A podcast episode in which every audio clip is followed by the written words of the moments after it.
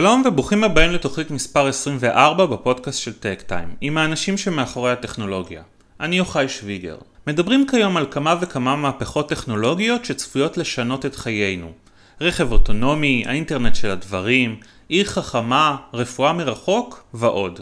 ואולם, כל המהפכות הללו מתבססות על תעבורת נתונים מהירה בזמן אמת. ועל כן, כדי שנוכל לסמוך על הרכב האוטונומי שלנו, על המנתח המרוחק ועל המשרד הביתי, יש צורך במהפכה נוספת, מהפכת תקשורת, מהפכת הדור החמישי.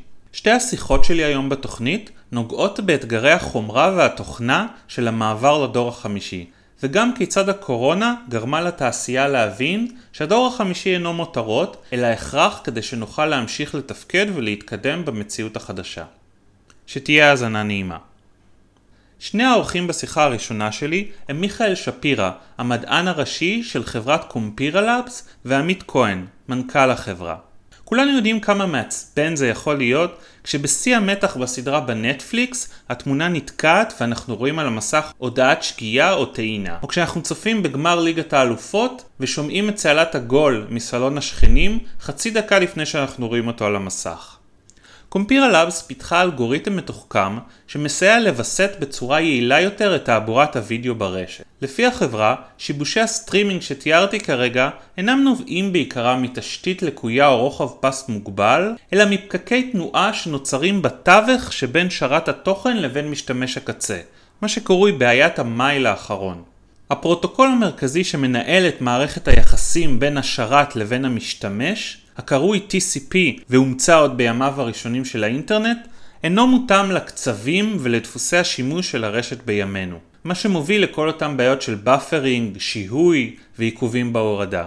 האלגוריתם של Compira Labs, שפותח על ידי המדען הראשי בזמן שהותו באקדמיה, משתמש ביכולות של Machine Learning ושיטה מתוחכמת של מיקרו ניסויים כדי להבין וללמוד בזמן אמת מה הם תנאי הרשת ומהי הקיבולת הנדרשת כדי להבטיח חוויית שימוש טובה למשתמש בהתאם ליישום שאותו הוא צורך, וכך להקצות לו את רוחב הפס הנדרש ולהימנע מעומסים. דיברתי עם מיכאל ועמית כיצד פועל האלגוריתם, וגם מה היו התוצאות של האלגוריתם בהשקת הבכורה שלו בארצות הברית בתקופה המאתגרת מכל, של פרוץ מגפת הקורונה. שלום עמית ושלום מיכאל, תודה רבה שהסכמתם להשתתף בפודקאסט שלנו. אתם מחברת קומפירה לאב, ואנחנו נדבר היום על מאחורי הקלעים של חוויית משתמש מאוד בסיסית, והיא צריכת וידאו אה, בסלולר או במחשב או בכל מכשיר אחר, ועל קצת על הבעיות והאתגרים שיש בתחום הזה. אני אשמח אם קודם כל קצת תוכלו להציג את עצמכם, אז אני, אני מיכאל שפירא, אני ה-co-founder וה-chief scientist של קומפירה uh, Labs, ובעצם מעבר להיותי בקומפירה Labs, אני גם פרופסור למדעי המחשב באוניברסיטה העברית. והתחום מחקר שלי זה רשתות תקשורת, כל מיני היבטים, אה, אבטחת מידע, שיפור ביצועים, כשהפרויקט המחקרי המרכזי שלי, אפשר להגיד, בחמש-שש שנים האחרונות, הוא, הוא מה שלימים הוביל קומפירה לאבס באיזשהו שלב, זה כבר, אה, תכף בטח נדבר על הפתרון, אבל באיזשהו שלב זה הבשיל, ואז אה, חבר משותף אמר לי שאני חייב אה, לפגוש את עמית. כשאתה, כשאתה פיתחת את הרעיון, זה היה מתוך סקרנות אינטלקטואלית, או ממש מתוך כוונה לפתח פטנט? לא, זה סקרנות אינטלקטואלית נטו, אבל כן מתוך כוונה, כמו, כמו בהרבה מחקרים, אני חושב, אקדמיים, בטח במדעי המחשב, אה, להשאיר אה, שריטה על המציאות. כן. לא ידעתי בדיוק באיזה תצורה זה יקרה בסוף. על המציאות, אבל לא על המסך של הטאבלט, אה, צריך להיזהר. ואתה, איך נכנסת לתמונה? אז באמת, כמו שמיכאל אמר, הוא למעשה חיפש שותף עסקי. אני בדיוק הייתי אחרי שמכרתי את הסטארט-אפ הקודם שלי, שהיה בכלל בתחום אבטחת מידע בענן, מכרנו אותו לחברה אמריקאית. אה, ואני ככה הייתי בתקופה שנחתי בבית וחיפשתי מה לעשות, וחבר משותף אה, הפגיש אותנו, אה, ואמר לי שאני חייב לדבר עם מיכאל, יש לו אלגוריתם מאוד מאוד מעניין. ברגע שנפגשנו, התחלנו לדבר, אני זיהיתי את הפוטנציאל של האלגוריתם הזה, שהוא בניגוד לכל מה שעשו ב-15 שנה האחרונות, הוא הוא חשיבה אחרת לגמרי, ודרך אה, שונה לגמרי לפתרון הבעיה. אוקיי. Okay. ואז למעשה ביחד התחלנו לחשוב, אוקיי, מה, מה עושים עם הטכנולוגיה הזאת? אה, בהתחלה אז לא ידעתם לאיזה אפליקציה לייעד את זה? בוודאי, בוודאי. היה אלגוריתם אה, למעשה, אלגוריתם, שיכול ועדיין יכול גם היום לפתור הרבה מאוד בעיות. וכשאתה בא להתחיל סטארט-אפ, אתה רוצה למצוא בעיה שהיא, אה, שהיא קיימת, שאנשים מדברים עליה, ושאנשים מוכנים לשלם עליה כסף עכשיו. כן. אה, והדברים האלה למעשה הובילו אותנו להתחיל ב...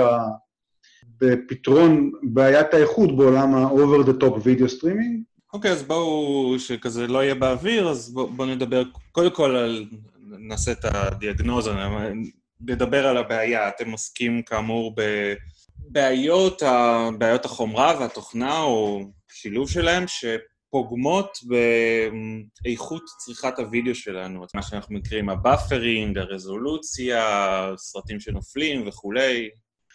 אז למעשה, הנושא של חוויית משתמש טובה בשירותי מולטימדיה, שזה יכול להיות video streaming, אבל זה יכול להיות גם זום, אה, וזה גם, גם ב gaming. למעשה, העניין הוא מאוד פשוט, כדי שאני, כדי שלי תהיה חוויית משתמש אה, טובה כשאני צופה בסרט של נטפליקס או של אה, ספק תוכן אחר, אני צריך שלמעשה יהיה לי רוחב פס יציב וקבוע, שממנו אני אוכל לקבל את הפיד הזה, את הסטרים הזה של הוידאו.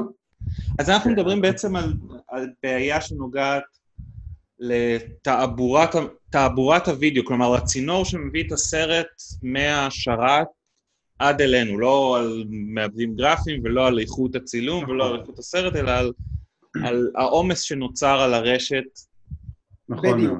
ושם שם הסיפור האמיתי בעצם במובנים של quality of experience, במובנים של חוויית משתמש, כי בין אותו שרת של נטפליקס או יוטיוב שממנו אתה מביא את הסרט, לבינך, יש רשת שיכולה להיות מאוד לא צפויה, שהרבה מאוד גורמים מתחרים עליה, שיש תחרות אה, עזה לפעמים, ושיכול להיות שחלק מהגורמים האלה הם ניידים, והשילוב של כל האתגרים האלה, אומר שזה מאוד מאוד קשה להבין איך אתה מנצל אותה טוב מה, מהקצה שממנו אתה שולח את הסרט.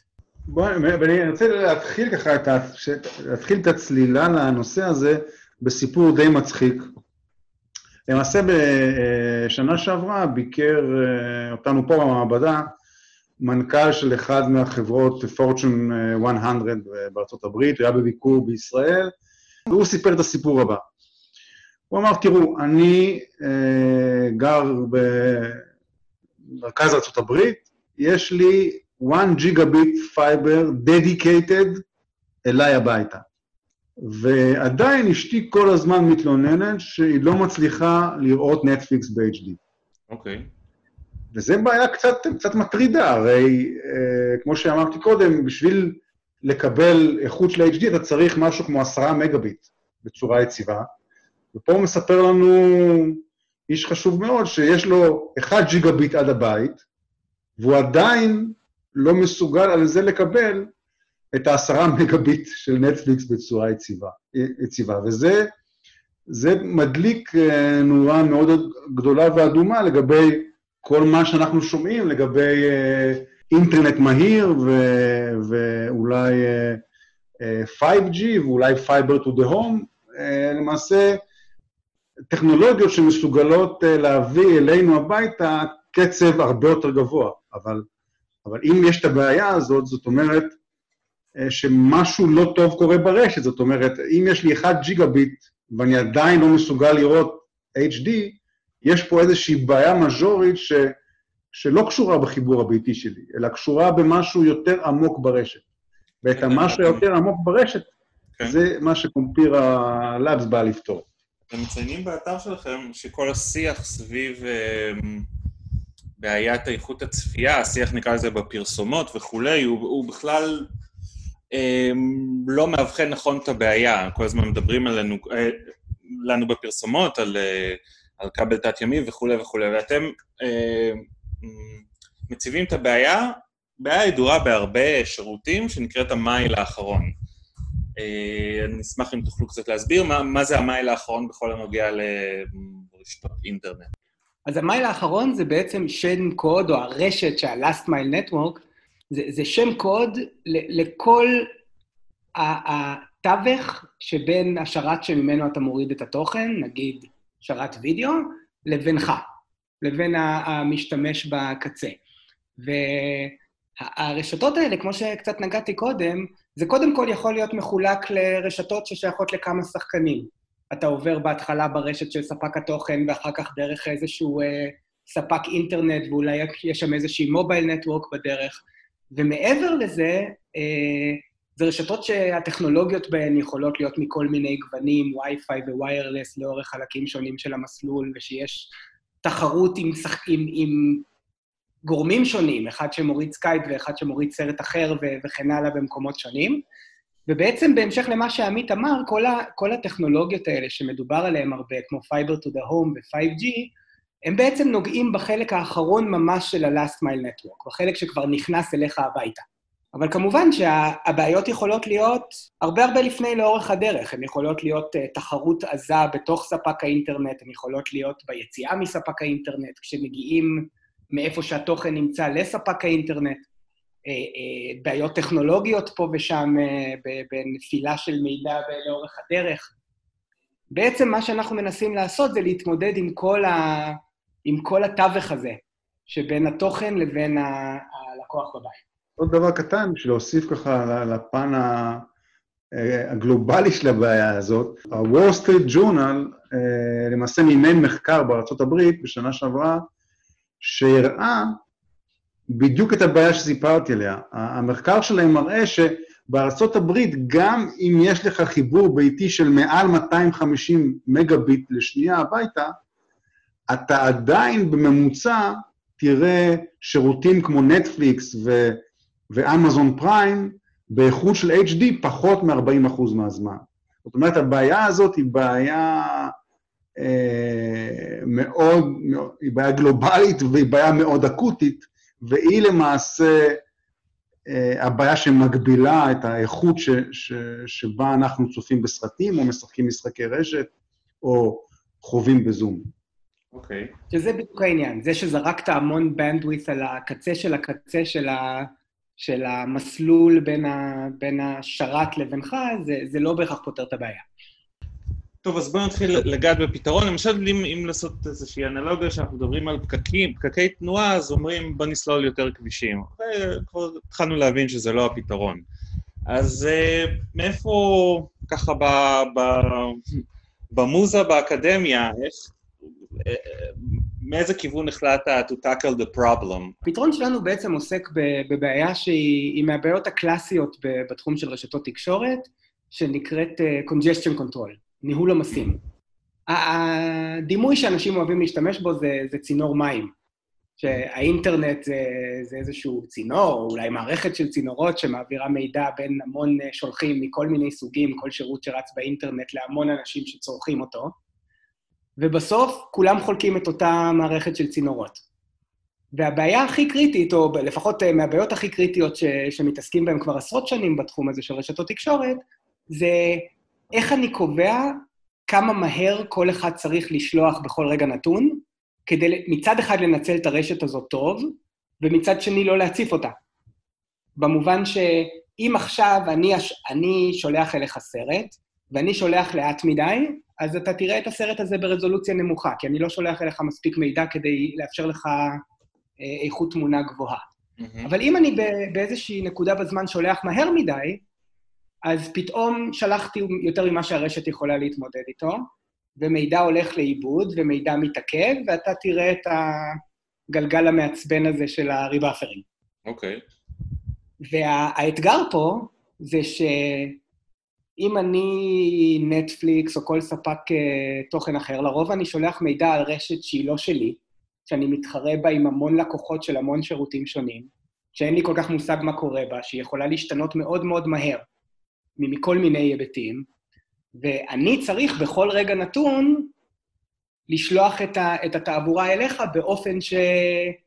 משיג את האיזון העדין הזה של ביצועים טובים בלי לערער את הרשת. ועוד עניין כמובן זה שזה לא רק אני, אלא גם כל הגורמים האלה שחולקים את, ה, את הרשת ובעצם חולקים את אותם משאבים, צריכים לשחק יפה אחד עם השני. אוקיי. Okay. אנחנו רוצים שהם יהיו הוגנים אחד לשני, אנחנו רוצים ש, שהם לא יכאיבו אחד לשני. וזה בעצם האתגר של קונגרס. וכיצד זה מנוהל היום? כיצד עושים את ההחלטות אז האלה? אז היום, הרוב של התעבורה באינטרנט עדיין רץ על מנגנונים, אה, ספציפית אה, TCP, ה-Transmission Control Protocol, שהוצאו לפני שלושה עשורים, ואפילו ה-State of the Art, שאני מניח שאנחנו משתמשים בו עכשיו משני הצדדים כשאנחנו מנהלים את השיחה הזאת, הוא, הוא כבר בין uh, למעלה משני עשורים, שזה זה סוג של אלגוריתם שהוצע כדי לווסת כמה מהר כל כל אחד שולח, כך שלא נציף את הרשת. והסיבה שהציעו אותו אי אז בשנות ה-80 זה כי פשוט הייתה תקופה שהאינטרנט מילולית קרס. בגלל שלראשונה ביקוש עלה על ההיצע ו... ו... ושלחו יותר מהר ממה שהרשת של אותה תקופה הייתה יכולה להתמודד איתו. ולמרות שהדבר שה... הזה הוא דבר קסום, במובן שאנחנו כמה עשורים אחרי זה והאינטרנט עדיין עובד, הסיבה שהרבה מאוד שירותים לא עובדים טוב ושיש לנו כל כך הרבה בעיות quality of experience, זה בדיוק זה. זה שהדבר הזה אולי מונע מהרשת מלקרוס, אבל, אבל הוא לא מצליח לנצל אותה מספיק טוב כדי לספק חוויית איכות משתמש טובה. ואולי נוסיף לזה את, ה... את, ה... את הצד השני בחדשנות שלנו. הצד הראשון הוא, הוא באמת האלגוריתמיקה הזאת שבאה להחליף את הדרך שבה דאטה אה, למעשה מוזרם היום, ותכף מיכאל אה, יתאר את זה ביותר, אה, ביותר צבעים. אבל החלק השני בחדשנות שלנו הוא, הוא להגיד, טוב, חלק מהבעיה היא גם אה, מהעובדה שהמדיניות היום ב- בלהעביר דברים באינטרנט הוא, מש, הוא one size fits all. למעשה, הסרט מועבר אליך באותה צורה אם אתה יושב בתל אביב וצופה בסמארט TV, או נמצא בספארי בקניה, ו, אה, או במילואים, וצופה בזה בטלפון סלולרי. עכשיו, הגישה הזאת של one size fits all למעשה אומרת שאתה לא תקבל משהו אופטימלי אף פעם. ומה שאנחנו באים ואומרים, זה לא חייב להיות ככה. אנחנו אה, בונים מערכת שתאפשר פרסונליזציה, למעשה שתאפשר למידה של אה, איפה אתה נמצא, של תנאי הרשת, אה, אליך ובאיזה אפליקציות אתה משתמש, ולמעשה הלימוד הזה יאפשר לנו לעשות fine-tuning לדרך שבה המידע מועבר אליך. זאת אומרת, אתם מציעים פרוטוקול חדש? לא טכנולוגיה של דחיסה, לא טכנולוגיה של... לא איזושהי, לא יודע, פלטפורמת SD-WAN כלשהי, אתם מציעים פרוטוקול תעדוף חדש של... אנחנו מציעים... המילה פרוטוקול היא, היא מילה מעניינת, כי למעשה, כשאתה אומר היום פרוטוקול תקשורת, אתה מדבר על הדרך שבה השרת והלקוח מדברים. כשאתה למעשה רואה סרט מנטפליקס, איזשהו כן. פרוטוקול שרץ בין ה smart TV שלך לבין ה... שרת שעליו נמצא הסרט. עכשיו, עכשיו, הסיפור הזה של פרוטוקול הוא, הוא כמובן דבר בעייתי, כי שני הצדדים צריכים להבין איך מדברים. ולכן אנחנו לא נוגעים בפרוטוקול, אנחנו גם לא נוגעים בשיטת הדחיסה. שיטת הדחיסה, גם היא אה, צריכה להיות מוסכמת וסטנדרטית על, על כל כן. הצדדים. אנחנו נוגעים באזורים שניתן לשנות אותם מבלי אה, הצורך לגעת במשתמשי הקצה. זאת אומרת, זה מין אה, שינוי נקודתי שמצד אחד הוא מהפכני, אבל מצד שני הוא לא דורש. הוא לא דורש התכנסות של כל חברות הטלקום ולחתום על פרוטוקול חדש. בדיוק, בדיוק. זה, זה אלגוריתם... נכון, okay. אוקיי. זה, זה אלגוריתם שתכף אה, ניתן כמה, כמה דקות למיכאל להסביר את הגישה שלו, אבל זה אלגוריתם ש...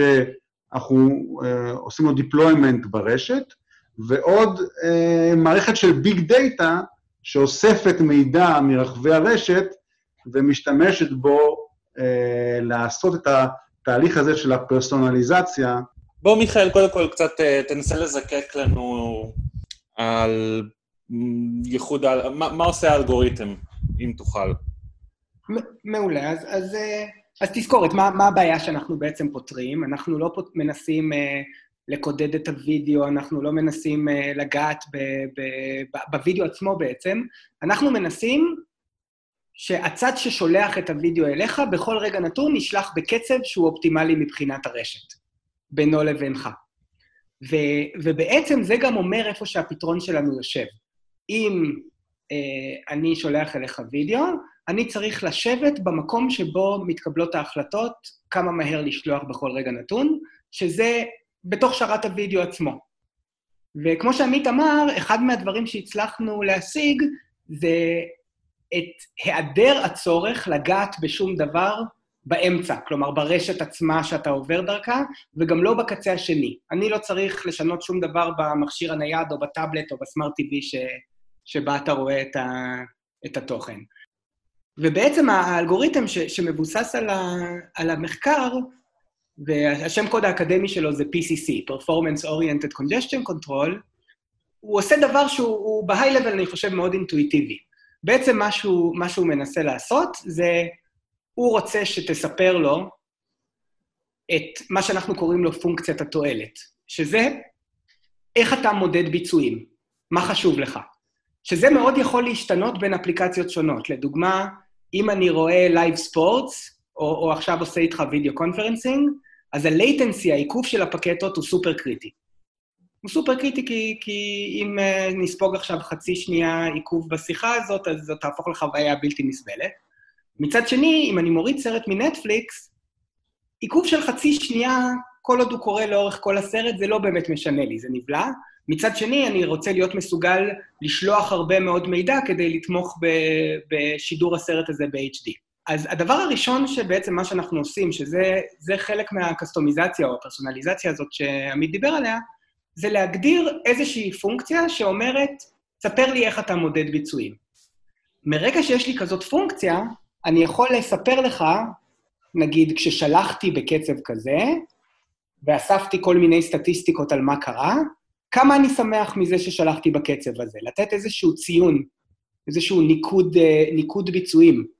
ובעצם שני הרכיבים של PCC, של האלגוריתם הזה, זה בדיוק הגדרת פונקציה כזאת, שמקשרת בין פעולות, במקרה שלנו קצבי שליחה, לתוצאות, שזה איכות הביצועים שקיבלנו מלשלוח בקצבים מסוימים. והרכיב השני, שהוא איזשהו מנגנון שלפי הקצבים שבחרת עד עכשיו ואיך זה נראה מבחינת ביצועים, מחליט איך אתה אמור לשנות את הקצב שלך לאורך זמן. אז אם רגע לוקחים צעד אחורה, אני שולח אליך סרט, האופן שבו האלגוריתם פועל זה לחשוב על השליחה של הסרט הזאת כמו אוסף של ניסויים. בכל ניסוי אני בוחר קצב, רואה מה קרה, לדוגמה, איזה אחוז מהמידע ששלחתי הלך לאיבוד, כמה זמן לקח למידע לעבור את הרשת ממני אליך, עד כמה הקצב שלי היה יציב, כל דבר שיכול להיות שאכפת לשירות שאני מספק אה, לך ממנו. ובהתאם לתוצאות של הניסויים האלה, יש לי איזשהו אלגוריתם שרץ בזמן אמת שמחליט מה הניסוי הבא צריך להיות. להעלות את הקצב, להוריד את הקצב, להעלות אותו בהרבה, להעלות אותו במעט, והדבר הזה חייב לקרות מאוד מאוד מהר. כלומר, כל כמה מילי שניות, או עשרות מילי שניות, אני מקבל החלטה על איך לשנות את הקצב. ומתחת למכסה של המנוע, מה שמסתתר זה תיאוריה מאוד עשירה שיש בעולמות האלה של אה, Machine Learning ותורת המשחקים, שנקראת Online Learning, שהיא בדיוק תורה שהמטרה שלה זה לקבל החלטות בתנאים של אי-ודאות. אה, אני אשאל קצת שאלה פרובוקטיבית. אה, הבעיה הזאת לא אמורה להיפתר כש...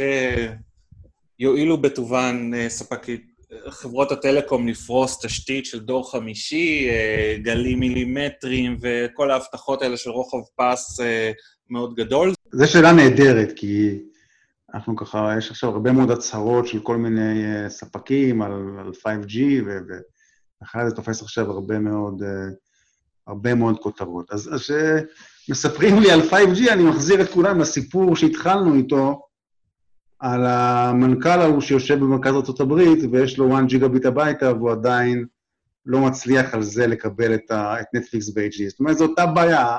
ה-5G הוא למעשה החיבור של ה-Device שלך לרשת.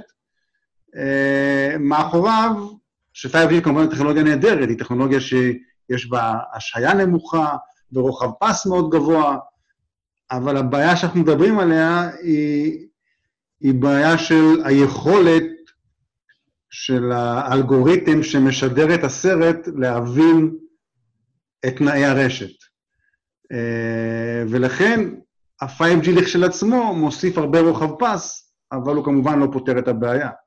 כי הבעיה, הבעיה יושבת אה, לא באנטנה של ה-5G, היא יושבת איפה שנמצא הקונטנט והתוכן, וביכולת של האלגוריתם שיושבת על השרת להבין מה קורה ברשת. 5G אה, גם מעבר לאבטחה, גם אה, יש בו הרבה אתגרים, כן? כדי לנצל את רוחב הפס של 5G, אתה צריך להיות מסוגל להגיב מאוד מהר לשינויים ברוחב הפס. אה, ואנחנו רואים היום, שנקרא, מהמגעים שיש לנו עם החברות שמתעסקות בשוק הזה, ש... שהאתגרים של איך לנצל את רוחב הפס של 5G בצורה טובה הם אתגרים אה, מאוד גדולים. ופה, גם, גם פה אנחנו יכולים לעזור, כי למעשה, אם אנחנו נשב איפשהו בין, השר, איפשהו בין השרת לבין אה, רשת הרדיו, אה, בעזרת האלגוריתם שלנו נוכל אה, להגיב מאוד מהר לשינויים ברוחב הפס, ו... ולאפשר ניצול טוב של הטכנולוגיה הזאת. אבל הטכנולוגיה עצמה, כשמדברים על 5G, אז מדברים על, אה, כן, אה, שרופא יבצע ניתוח ברימוט דרך ה-5G, כי ל-5G יש, אה, דיל, יש השהיה מאוד מאוד נמוכה. עוד, אז כמובן שזה רק אפשרי אם גם המנותח וגם הרופא יושבים על אותה רשת באותה קמפוס, ואז באמת רוחב הפס של ה-5G בא לידי ביטוי, אבל אם הרופא יושב רחוק, אז הבעיות שאנחנו דיברנו עליהן באות לידי ביטוי, ואז ה-5G לא יעזור, וכמובן שאנחנו לא היינו רוצים להיות החולה בניתוח הזה. דיברנו על ה-5G, אבל עוד איזושהי, נקרא לזה התפתחות היסטורית מפתיעה, איזה פורס מז'ור היסטורי שקצת חידד את הבעיה, זה כמובן הקורונה, שהעמידה באתגר לא צפוי את... אמ, כל רשת האינטרנט. אה, הרבה אנשים היו בבית וצרכו הרבה וידאו, הייתה, היה את כל עניין העבודה מרחוק, שגם העמיס על הרשת. אם אני אפילו לא טועה, מדינות מסוימות, או שנטפליקס בעצמה הורידה את איכות הוידאו כדי לאפשר בכלל את צריכת התוכן. נכון. אז מה, מה למדתם בתקופת הקורונה? אולי אה, איך, איך הרשת התמודדה עם זה? איך פתרון כמו שלכם היה יכול לסייע? אולי קצת האם זה עורר בתעשייה עניין לפתרון שלכם? מה קצת, מה עבר עליכם בחודשים האחרונים חוץ מזה שעבדתם מהבית? הבעיות שאנחנו מדברים עליהן היו, היו ברורות גם לפני עידן הקורונה, אבל uh, למי שהן לא היו לו ברורות, באה הקורונה וגרמה לעלייה של uh, 30 בתעבורת האינטרנט בחודש, גופים כמו האיחוד האירופי ביקשו, ביקשו סלש דרשו מנטפליקס להוריד את, אה, את האיכות המקסימלית של הסרטים שלהם כדי לשחרר קצת מצווארי הבקבוק, זה קרה גם באירופה, גם בארצות הברית, גם באסיה, אה, גם נטפליקס וגם יוטיוב ואחרים אה, הורידו את, את איכויות השידור המקסימליות שלהם. כולנו התחלנו גם לחוות אה, אה, מה זה, מה זה לעבוד דרך זום וכמה זה בעייתי כשעובדים עם וידאו בזום. אה, יש עולם שלם של מה שנקרא VDI, זה למעשה מהנדסים שעובדים למעשה על מחשבים מרוחקים ומקבלים את ה desktop שלהם מהענן, כן. לצורכי, לצורכי security וכן הלאה, זה נפוץ בהרבה מאוד enterprise ים גדולים, וגם זה חטף מכה מבחינת האיכות בגלל העומס ברשתות. ולמעשה כל השירותים תלויים במה שנקרא באיכות, בתנאי רשת טובים, למעשה נפגעו, כולל גיימינג וכן הלאה, ומבחינתנו, שוב, אנחנו כמובן לא שמחים על המצב הזה, אבל זה עשה את הפיץ' שלנו הרבה יותר קל. הרבה יותר קל, גם מול לקוחות, גם מול משקיעים, ולמעשה, אחד מהפריסות הגדולות ביותר שלנו בארצות הברית קרתה בזמן המשבר הזה, אז למעשה... אה, הפתרון שלכם כבר מבצעי? כן, הוא מבצעי, הוא רץ ברשת אחת של ספק מאוד גדול, מובילים בארצות הברית, רץ בשלושה מטרופול, מטרופולינים גדולים, ולמעשה הוא עלה, עלה ל production, ל live בזמן הזה של המשבר. ומה הראו התוצאות? מה... התוצאות הן פנטסטיות. לדוגמה, העלינו את, באזורים שאנחנו מותקנים, את כמות ה subscribers שמקבלים stream, stream ים באיכות של HD, העלינו את זה ב-40 אחוז יחסית למה שהיה בלעדינו. וצריך לזכור שכל זה על ידי שדרוג תוכנה מקומי בלבד, ללא צורך אה, לפרוס אנטנות, ללא צורך אה, לחפור, ללא צורך אה, להעביר סיבים וללא צורך להשקיע ב data center. אז מיכאל, איך היה לראות את ה baby שלך ככה מתפקדת, מתפקד בתנאי סערה בקורונה? מדהים, פשוט מדהים. זאת אומרת, יש משהו ש... ברור ש... שכרוכה בו הרבה מאוד עבודה, ועבדנו על זה כמה וכמה שנים, וניסינו את זה מכל כיוון. אה, אתה יודע, סדרת מאמרים כבר שפורסמו על זה, וניסינו המון ניסויים, גם ב live וגם לא ב live, אבל זה, זה לא משתווה בסופו של דבר ל... גם לה, להנאה וגם ללקחים שאתה יכול להפיק מלראות אה, את הדבר הזה פועל בעומסים כאלה ובסקאלה כזאת. כן. אה, טוב, קצת אה, נושא אחרון, אתם השתתפתם במחזור השני, אם אני לא טועה, של תוכנית הצמיחה של אינטל, אינטל איגנייט, אה, אנחנו אירחנו באחת התוכניות הקודמות את מנהל התוכנית, צחי וייספלד, והייתה איתו שיחה מאוד מעניינת, אז אחד הדברים ששאלתי אותו זה בעצם מה, מה קורה בתוכנית, מה מקבלים הסטארט-אפים, איזה, איזה ערך הם מפיקים מזה, אז אני אשמח אם תוכלו לספר לי קצת אה, חוויות, התרשמויות, תובנות. אחד, אחד הדברים, אחד הדברים שאתה מבין uh, מהר מאוד, לי זה הסטארט-אפ השני, אבל uh, anyway, אתה, אתה מבין את זה מהר מאוד, שכדי להצליח לא מספיקה טכנולוגיה נהדרת, ואפילו לא מספיק, uh, לא מספיקה העובדה שאתה פותר בעיה מאוד כואבת. כדי להצליח אתה צריך גם יכולת להגיע ללקוחות הנכונים, ומבחינתנו הלקוחות הנכונים זה חברות ענק שיושבות מן הסתם אה, לא בארץ, אה, ובתקופת הקורונה אתה גם לא יכול לטוס אליהם, אתה לא יכול לפגוש אותם בכנסים.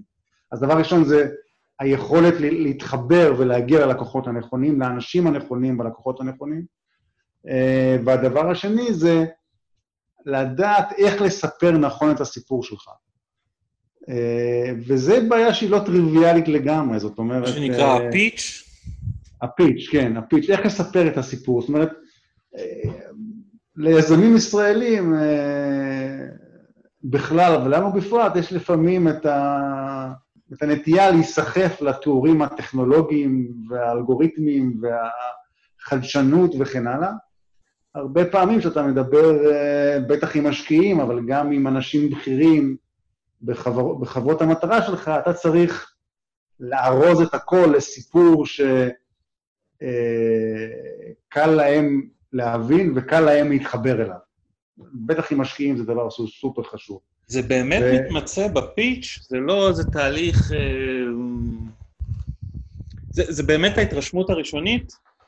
תראה, אין מה לעשות, אה, אומרים ש- there's no second chance for כן. first impression. Mm-hmm. וזה עם משקיעים וגם, שוב, עם, כשאתה נפגש עם אה, אנשים ברמת ה... ה-C בחברות גדולות, אתה צריך, יש להם attention יחסית uh, קצר, ואתה צריך בזמן מאוד קצר להעביר להם מה אתה עושה, מי אתה, למה מה שאתה עושה אף אחד אחר לא יכול לעשות, ומה ה-value שהם יכולים לקבל מזה. ובנקודות האלה, צחי והצוות שלו, הם... יש להם ניסיון אדיר, ואם מזקקים את ה-value שהם הביאו לנו, אז, אז הוא בהחלט בשתי הנקודות האלה. אחד, באיך לספר את הסיפור, ושתיים, להגיע לאנשים הנכונים, ובעזרתם, בעזרת הקשרים שלהם, בעזרת הקשרים של אינטל, למעשה התחברנו לחברות, בוא נגיד, כמה חברות מהגדולות בעולם, ואנחנו עכשיו מתגלגלים לניסויים איתם, וזה דבר ש... בטח שאתה חברה ישראלית קטנה שיושבת פה ולא יכולה לטוס, זה דבר שהוא בעל ערך רב. אוקיי, okay. ו- ומיכאל, בתור uh, מישהו שיצא ממגדל השן האקדמי, לדבר בסטריאוטיפים? ו... לי, לי, לנו באופן כללי, אבל לי בוודאי, החוויה הזאת של אינטל איגנייט הייתה, הייתה בעלת המון ערך. זאת אומרת, יש פה אוסף של אנשים שהם אה, מאוד מנוסים ומאוד קשובים ובאמת באמת רוצים לעזור, ובכל שבוע יש uh, מפגשים ארוכים וסיעור מוחות לגבי ההחלטות העסקיות, שבסוף זה בא בקצה לידי ביטוי ב... באיך הפיץ' נראה ובקשר עם ההוא או ההוא, אבל בעצם זה נוגע בשאלות מאוד עמוקות.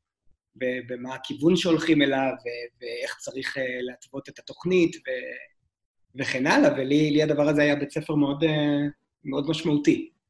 אז תודה רבה על השיחה המעניינת הזאת. אה, מעולה, ממש תודה. מעולה, תודה רבה על הזמן, על השאלות, על ההזדמנות ככה לחלוק את הסיפור שלנו. האורח הבא שלי בתוכנית הוא ניסים מטיאס, מנהל מרכז הפיתוח של קורנינג ישראל. קורנינג היא תאגיד ענק אמריקאי שמתמחה בייצור סוגים מיוחדים של זכוכית וקרמיקה. אף על פי כן קורנינג נחשבת לחברה טכנולוגית שאף תרמה תרומה חשובה מאוד למהפכת המידע של העשורים האחרונים. קורנינג המציאה את הסיבים האופטיים, שהם אותם צינורות שבהם זורם המידע ברשת. ככזו, קורנינג גם ממלאת תפקיד חשוב בפריסת התשתיות של הדור החמישי. דיברתי עם ניסים על האסטרטגיה של החברה במעבר לדור החמישי, כיצד הקורונה גרמה להאצת הפריסה של התשתית החדשה, וגם איפה עומדת ישראל במהפכה. שלום ניסים ותודה רבה שהסכמת להשתתף בפודקאסט שלנו. אה, אתה מנהל את אה, מרכז הפעילות של חברת קורנינג בישראל, ואנחנו נדבר היום על כל התחום הזה של הדור החמישי ואיפה אנחנו נמצאים היום. אה, אני אשמח קודם כל אם תוכל קצת לספר לנו על קורנינג, שאני לא בטוח שהיא יותר מדי מוכרת בישראל, למרות שמדובר בחברה אמריקאית גדולה למדי, אז קצת לספר לנו על קורנינג וגם על קורנינג ישראל, כי אני מבין שגם היא תולדה של איזושהי רכישה שביצעה קורנינג בישראל. כן, אז אני מנכ"ל של קורנינג ישראל, לשעבר חברת מובייל אקסס. אה, חברת מובייל אקסס נרכשה על ידי קורנינג אה, בינואר 2011. למ, למה קורנינג התעניינה בכם וביצעה את הרכישה הזאת? מובייל אקסס הייתה הראשונה שהיה לה טכנולוגיה לשדר אה, אות אה, RF או אות אנלוגי על סיב אופטי. מאז יש הרבה חברות שעושות את זה, ואנחנו למעשה היינו הראשונים לעשות את זה, וכשקורנינג רכשה אותנו, היא, החלום שלה, אה, כיוון שקורנינג היא חברה בעיקרון של סיבים אופטיים, היא רוצה להגיע עם סיב אופטי לכל בניין ואפילו לכל חדר, ולמעשה פיתחנו, היינו מערכת, מה שנקרא, המערכת הראשונה שהייתה All Optic System. זאת אומרת, עם סיב אופטי עד לאנטנה. ובצורה כזו, למעשה, אנחנו מחדירים ומגדילים את השימוש בסיבים אופטיים לתקשורת הסלולרית. אל תשכח שזה היה לפני 11 שנה. Mm-hmm. היום זה כבר נחלת העבר. היום כל המפעילים יודעים שכדי, ותכף נדבר על דור 5, כדי באמת לש, אה, לשרת את הצרכים של דור 5, חייבים להגיע עם סיבים אופטיים. זאת אומרת, מה שאנחנו התחלנו לפני כעשר שנים, היום הפך להיות דה פקטו לשיטה הבלעדית שבעזרתה פורסים אה, אנטנות אה, לכיסוי סלולרי. לאחרונה אפילו הכרזנו, אה, יש מגבלה שהסיב האופטי לא מאפשר גם, לא מעביר חשמל. כן. ולפני כחודש הכרזנו על שיתוף פעולה עם חברת אנרסיס העולמית, גם כן חברה די גדולה, שהיא לפתרונות אנרגיה, שאנחנו מייצרים כבל היברידי, שהוא, יש בו גם סיב אופטי וגם כבל חשמלי, ואנחנו מעבירים את האות הסלולרי, וחברת אנרסיס מספקת את החשמל, את הפאוור לתחנות בסיס, ואנחנו מאמינים שזה הפתרון הזה יאפשר לדור חמש להיות, להיפרס הרבה יותר מהר מאשר היום, שאתה לא צריך לחפש גם מקור חשמל וגם אה, אה, מקום לאנטנה, אלא אנחנו מביאים לך את ה, גם את החשמל וגם את הסלולר באותו סיב לאותו, לאותה אנטנה. אוקיי. Okay. אה, uh, בתור כזה, זאת אומרת, קורנינג היא חברה עם אוריינטציה טכנולוגית, כן? אז בואו, בוא, באמת, אתה יודע, כמו שבואו נספר קצת על קורנינג, כי כן. קורנינג בארץ היא לא כל כך מוכרת. אז, אז מי זאת קורנינג? קורנינג היא באמת, היא חברת uh, ענק, uh, שמתמחה במדעי הזכוכית בכלל. כן, מדעי הקרמיקה, פיזיקה אופטית, כן. אבל חברת קורנינג מעסיקה כ-50 אלף עובדים, היא uh, נסחרת לפי שוק, שווי שוק של כ-24 מיליארד דולר, מכירות של בערך 12 מיליארד. אמ, ההצלחה שלה באמת נובעת אה, מהשקעה מתמשכת במרכזי מחקר ופיתוח. היא כעשרה אחוז מהמחזור שלה היא משקיעה ב-R&D. אה, יש לה מרכז אה, מחקר בקורנינג ניו יורק, מי שהלך שם לראות מוזיאון הזכוכית אז מכיר את זה, אבל היא גם אחת החברות הטכנולוגיות הוותיקות בעולם. יש כמה המוצרים שלה, אני ככה אתן לך כמה ככה טעימה אה, היא באמת מפתחת מוצרים ששינו את, אה, את, את, את חיינו. אה, לדוגמה, ב-1879 היא ייצרה עבור תומאס אדיסון שופרת התאורה הראשונה. באלף, כן, ב-1915 המציאה את הזכוכית פיירקס שעמידה לחום, זה מה שאנחנו משתמשים היום בכל ה... במטבחים שלנו, את הסיליקון המציאה ב-1935. ב-1970 את ממירי הקרמיקה הקטליטיים, שזה מה שהמסננים שהיום משתמשים בכל תעשיית הדיזל, ועוד מעט השתמשו גם בתעשיית הבנזין, כיוון שהדרישה לזיהום אוויר עולה. Uh, הסיבים האופטיים uh, המציאה ב-1972, והשנה אנחנו חוגגים 50 שנים להמצאת הסיב האופטי, וזה באמת המצאה של קורנינג. באמת? אוקיי. כן, כן, כן. אז, זה, זה קורנינג. אז זו המצאה ששינתה את העולם, זה לא... שינתה את העולם, שינתה את אוקיי. העולם לגמרי. מסכי אה, מחשב ענקיים, אה, אחד, ה, אחד האלמנטים שמאפשרים מסכים ענקיים זה מסכים שקורנינג מייצרת. אה, היא היום שולטת במעל 70 אחוז בשוק המסכי ענק, לדוגמה, ויחד עם, היא מספקת לסמסונג ולעוד חברות אחרות. מסך זכוכית של אייפון, הגורילה גלה, זה גם כן דבר ששינה את ההתייחסות לטלפון. אז אלה הדברים שבאמת קורניג המציאה, אמ, וקורניג חרתה לה לדגל באמת לחבר את האנשים. אמ, אנחנו אומרים, we make connection so people can use them. אנחנו מייצרים, אה, כל מה שאנחנו מייצרים בחברות, בחטיבת התקשורת נועד אה, לתת אה, חיבוריות לאנשים, החל מסיבים אופטיים וכלה בציוד שמפתחים פה בארץ. כמי שיש לו איזה מבט פנימי מתוך התעשייה, אני תוהה אם תוכל לספק לנו איזו תמונת מצב, איפה אנחנו נמצאים ב... באבולוציה הזאת שבין הדור הרביעי לדור החמישי, אתה עוסק יותר מבחינת פריסת התשתית, אז איפה אנחנו עומדים היום? כלומר, יש, המון דיבורים על המודל העסקי של הדור החמישי ועל התשתית של הדור החמישי, אז איפה, איפה ככה אנחנו עומדים ברמה הגלובלית, ואולי אחרי זה גם נדבר בישראל, כי גם אנחנו שומעים את שר התקשורת מדבר על זה הרבה ומנסה לקדם, לפחות ברמה הצהרתית, רפורמות. תראה, זה אה, באמת, אה, הדור החמישי הוא, הוא יביא, המטרה היא שהוא יביא מהפכה אה, לחיים שלנו.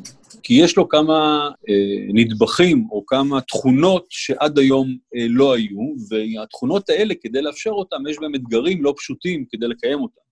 אם נדבר ככה במהם התכונות המרכזיות שיהוו את הרשת דור חמש, אז לדוגמה זה קצבים של תקשורת הרבה יותר מהירים. אם, אם היום מדובר על משהו של עד 100 מגה ביט פר סקנד שאני יכול לגלוש באתר, מדברים על קצבים של 1 גיגה. אם מדובר על היום שכל אתר סלולרי תומך בנניח 30 יוזרים בו זמנית, בדור 5 זה יכול להגיע למאות. למה מאות? כי הכל יהיה מחובר, החל מהמקרר, וכלה ברמזור או בשעון דופק, כל דבר יהיה מחובר לרשת.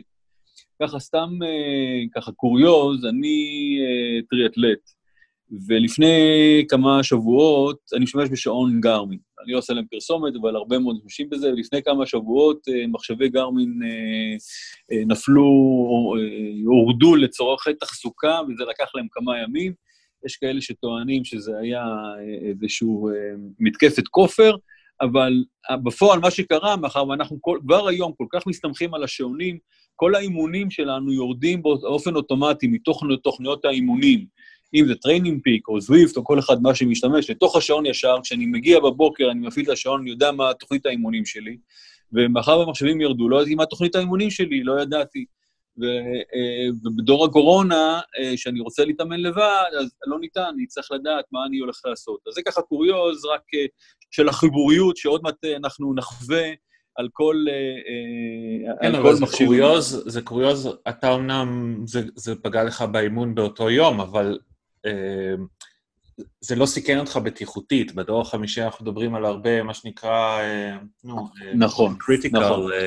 applications, אוטומוטיב ותעשייה ורמזורים וכולי. אז איך, איך, אנחנו, איך, איך אנחנו מבטיחים את, ה, את הרציפות של כל אותם יישומים? יפה, יפה. עלית פה בדיוק על הנקודה. בדיוק עלית על הנקודה, כמו שאמר, מה ההבדל בין היום למה ההבדל בין הדור החמישי.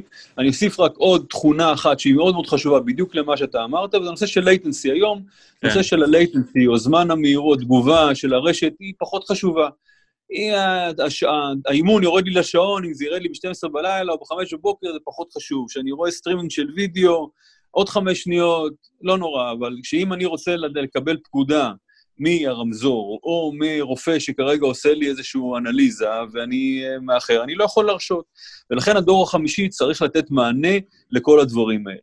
וכדי לתת מענה לדבר, לכל התכונות האלה, הדור החמישי צריכים שיהיו לו כמה דברים, כמה אבני יסוד. לדוגמה, הוא חייב תדרים, אה, רוחב סרט הרבה יותר גדול.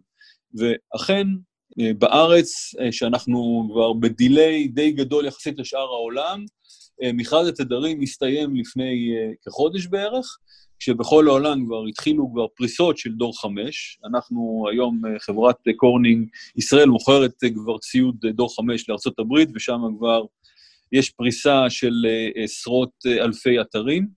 גם באירופה גם היו באירופה, מכרזים? גם באירופה היו מכרזים, ויש זכיות. ומתחילים אה, לפרוס. אני חושב אה, שהיום, אבל המזרח הרחוק וארה"ב מובילים את הפריסות של דור חמש.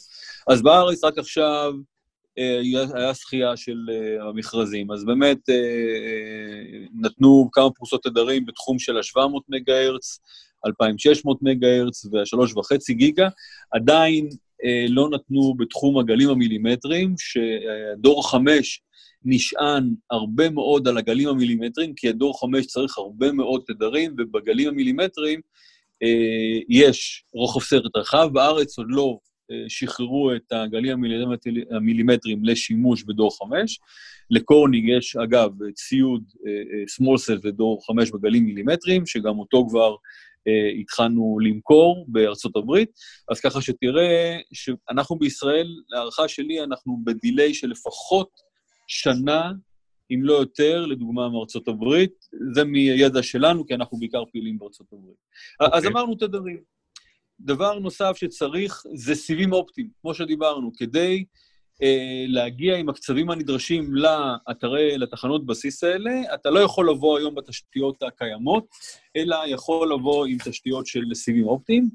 אה, פה אני חושב שבישראל יש קצת המצב הוא טיפה יותר טוב. אם בעולם מדובר שרק חמישה אחוז מהבניינים יש להם סיבים אופטיים בתוך בניין, אני חושב שבארץ המצב הוא קצת יותר טוב. אה, חברות התקשורת, אם אנחנו מדברים על בזק, עם אה, חברת הסיבים האופטיים, פרטנר שפורסת סיבים, הוט שיש לה סיבים, היום הם מגיעים עם סיבים האופטיים קצת יותר ליותר בניינים, אבל גם כאן, לדוגמה, בזק לא, מה שנקרא, הדליקה את כל הסיבים האופטיים, כי לא היה לה איזושהי מוטיבציה מסחרית למה להפעיל אותם. אז יש אולי פריסה, אבל אין עדיין שימוש. אני מאמין שבדור חמש, שזה יהיה תנאי, יהיה, יימצא גם המודל העסקי שיהיה כדאי להפעיל את כל הסיבים האופטיים, וכן יגיעו לכל בניין. אה, וכמו שאמרתי, אבל להגיע עדיין לכל בניין זה לא מספיק. צריך גם להגיע לתוך הבניין בין הקומות. אה, וכאן אנחנו מגיעים, ואנחנו, של קורנינג, סליחה, מפתחת לא רק את היחידות של האנטנות סלולריות, אלא קורנינג העולמית מפתחת גם פתרונות לפריסה של סיבים בתוך בניין. אנחנו מקלים מאוד את הפריסה של הסיבים בתוך הבניין. Uh, הפריסה שלנו היא כמו, יותר קלה מפריסה של כבלי חשמל או uh, של תשתיות תקשורת אחרות. אנחנו מספקים ציוד, מחברים, ארונות סף, ארונות תקשורת, ארונות חיבור, סיבים אופטיים שבגדלים שונים כדי שמתאימים לכל בניין. כדי אה, לאפשר פריסה הרבה, הרבה יותר מהירה של אה, הציוד.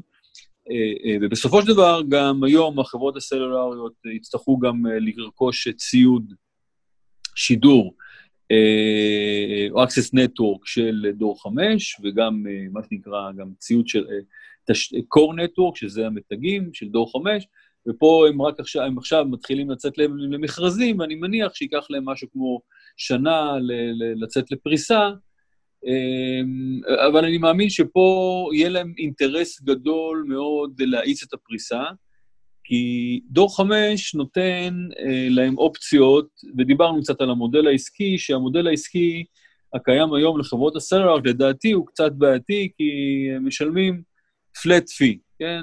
תשלום אה, פר, אה, לא פר שימוש ולא פר קצב. הדור החמישי יאפשר אה, לעשות בידול בין לקוח שגולש ב-5 אה, מגה לבין לקוח שגולש ב-100 אה, מגה או 500 גיגה, אה, לבין אה, לקוח שמפעיל עשרות מכשירים בקצבים נמוכים, או לבין לקוח שיש לו רק שעון וארבע אה, טלפונים.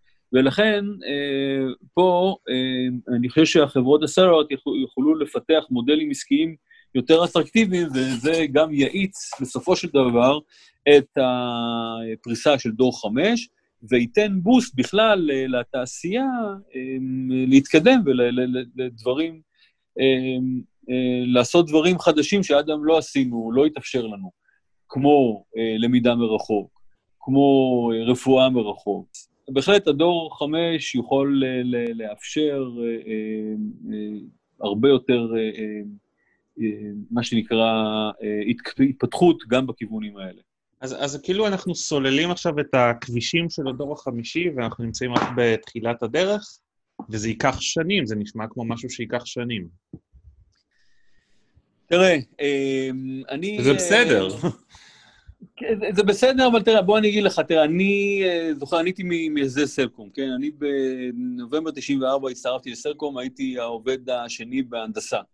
אוקיי. Okay. אה, ואני זוכר, אז היה רק חברת אה, סלולר אחת, אה, קראו לה פלאפון, שנתנה, היו לה, אני חושב, סדר גודל של 100 אלף מנויים או משהו כזה. ובאמת, כשהתחלנו, כולם שאלו מה המודל העסקי ולמה יהיה כדאי לפרוס ו...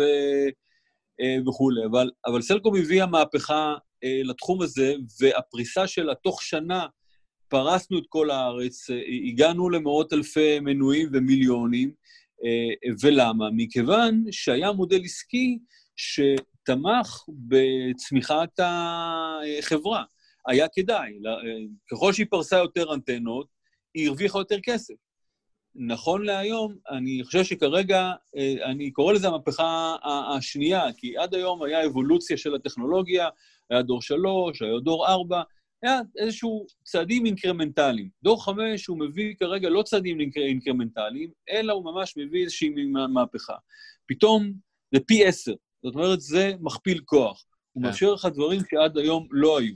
לכן אני, אני מאמין שיימצא המודל העסקי שיהיה כדאי לחברות להאיץ, להאיץ את, ה, את הפריסה, אה, אה, ולכן אני חושב שתוך שנה אנחנו כן נתחיל לראות כאן אה, פריסה. ואני רואה מה קורה בארצות הברית. בארצות הברית קרה, הרי זה בדיוק היה תהליך מאוד מאוד דומה למה שקרה בישראל בדור שלוש ודור ארבע. הייתה פריסה, אבל אף פעם לא הייתה השקעה גדולה, כמו שאני רואה היום בארצות הברית, בתחום של הדור חמש. המפעילים לוחצים ולחוצים ומוכנים להשקיע, ומשקיעים היום הרבה מאוד כדי לפרוס טכנולוגיה של דור חמש, ואני מאמין שאת זה אנחנו גם נראה בארץ. זכור לי שלפני הקורונה, אה, השיח הזה סביב הדור החמישי היה שיח אה, סקפטי על המודל העסקי, על האינסנטיב של, אה, של הספקיות לפרוס תקשורת, לפרוס תשתית וכולי וכולי. ואיכשהו באיזשהו אורח פלא, הקורונה, בגלל שהיא העלתה בכלל את צרכי התקשורת וחידדה בכלל את הצורך ב... בגלל כל מיני תחומים של, של למידה מרחוק ו telemedicine ואנשים בבית וצורכים הרבה יותר סטרימינג, פתאום כזה כל התעשייה התיישרה עם החזון של הדור החמישי, וכבר כמעט אני לא שומע ספקות. אז איזה, איזה אסימון נפל בקורונה?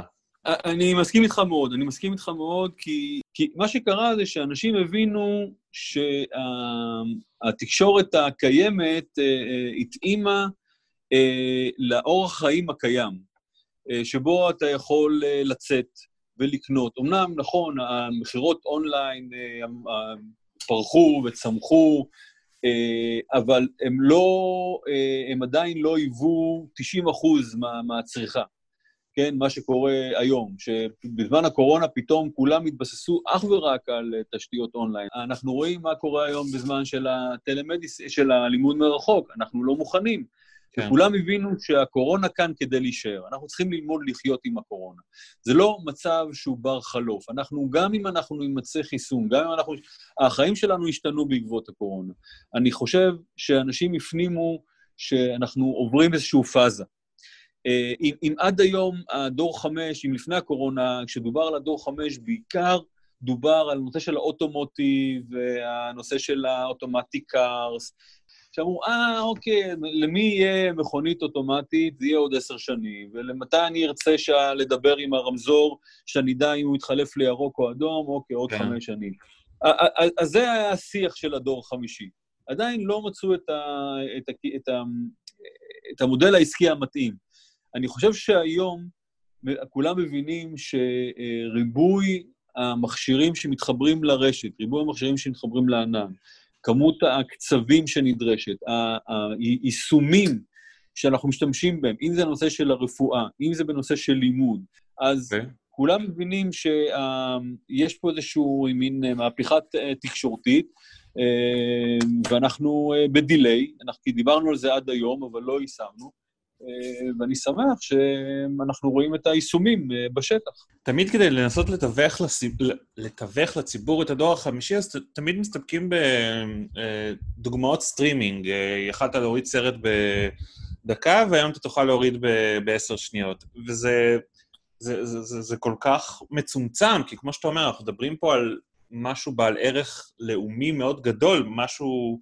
תשתית שיש לה יכולת לחולל טרנספורמציה בהמון המון תחומים, זה לא רק ב- כן. באיך אנחנו נראה את הסרט ואם יהיה buffering או לא יהיה buffering. ואני תוהה, מה אתה חושב שהממשל...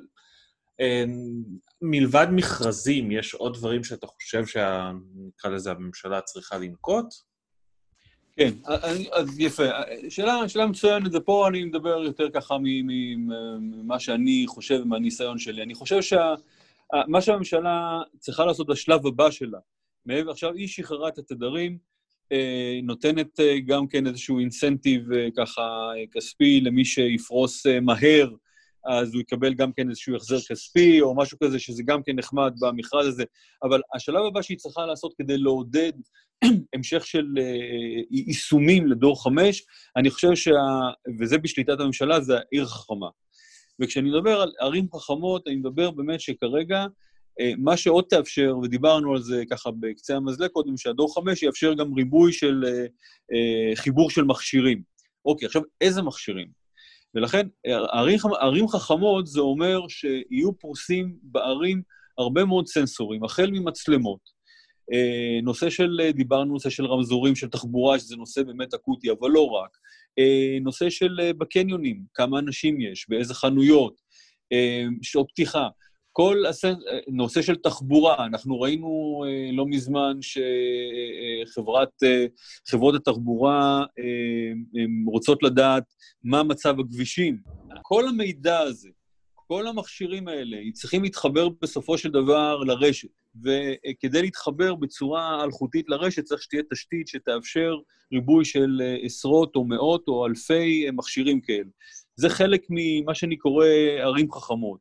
ו- והממשלה כן יכולה היום להתערב בזה, כי התשתיות הכבישיות, התחבורתיות, הם הרבה מאוד ברשות הממשלה, הם יכולים לעשות מכרזים החל מפריסה של מצלמות, של סנסורים, אם זה זיהום אוויר או אם זה תנועה וכל דבר כזה, כדי להפוך בסופו של דבר את החיים שלנו להרבה יותר בטוחים גם כן. כי אם אין מצלמות, אתה תוכל לדעת אה, שכאילו בכל רגע נתון אה, אתה מוגן ולא ישדדו אותך או לא יתקפו אותך.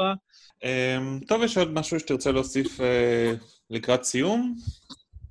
Um, אולי כן משהו אחד קטן, אנחנו לפני שנה, אני, קורנינג ישראל פה, אני פתחתי ביחד עם קורנינג העולמית אה, פעילות אה, שנקראת scouting ישראל, קורנינג scouting ישראל, שבמסגרתה אני, אנחנו מחפשים טכנולוגיות חדשות של סטארט-אפים מעניינים, קשר עם האקדמיות, אה, כדי לעשות שיתופי פעולה, הן על ידי ההמצאות שיש לקורנינג, או על ידי ההמצאות שיש פה בישראל. טוב, ניסים, תודה רבה על השיחה המאוד מעניינת הזאת. אה, אנחנו באמת כותבים על קורנינג, ונמשיך לכתוב על קורנינג ישראל. מעולה, מעולה. תודה רבה. נהניתי מאוד לשוחח איתך. תודה רבה על ההאזנה, אני מקווה שנהניתם. אתם מוזמנים להמשיך ולעקוב אחר הכתבות באתר שלנו, techtime.co.il, להירשם לניוזלטר ולהקשיב לפרק הבא בפודקאסט.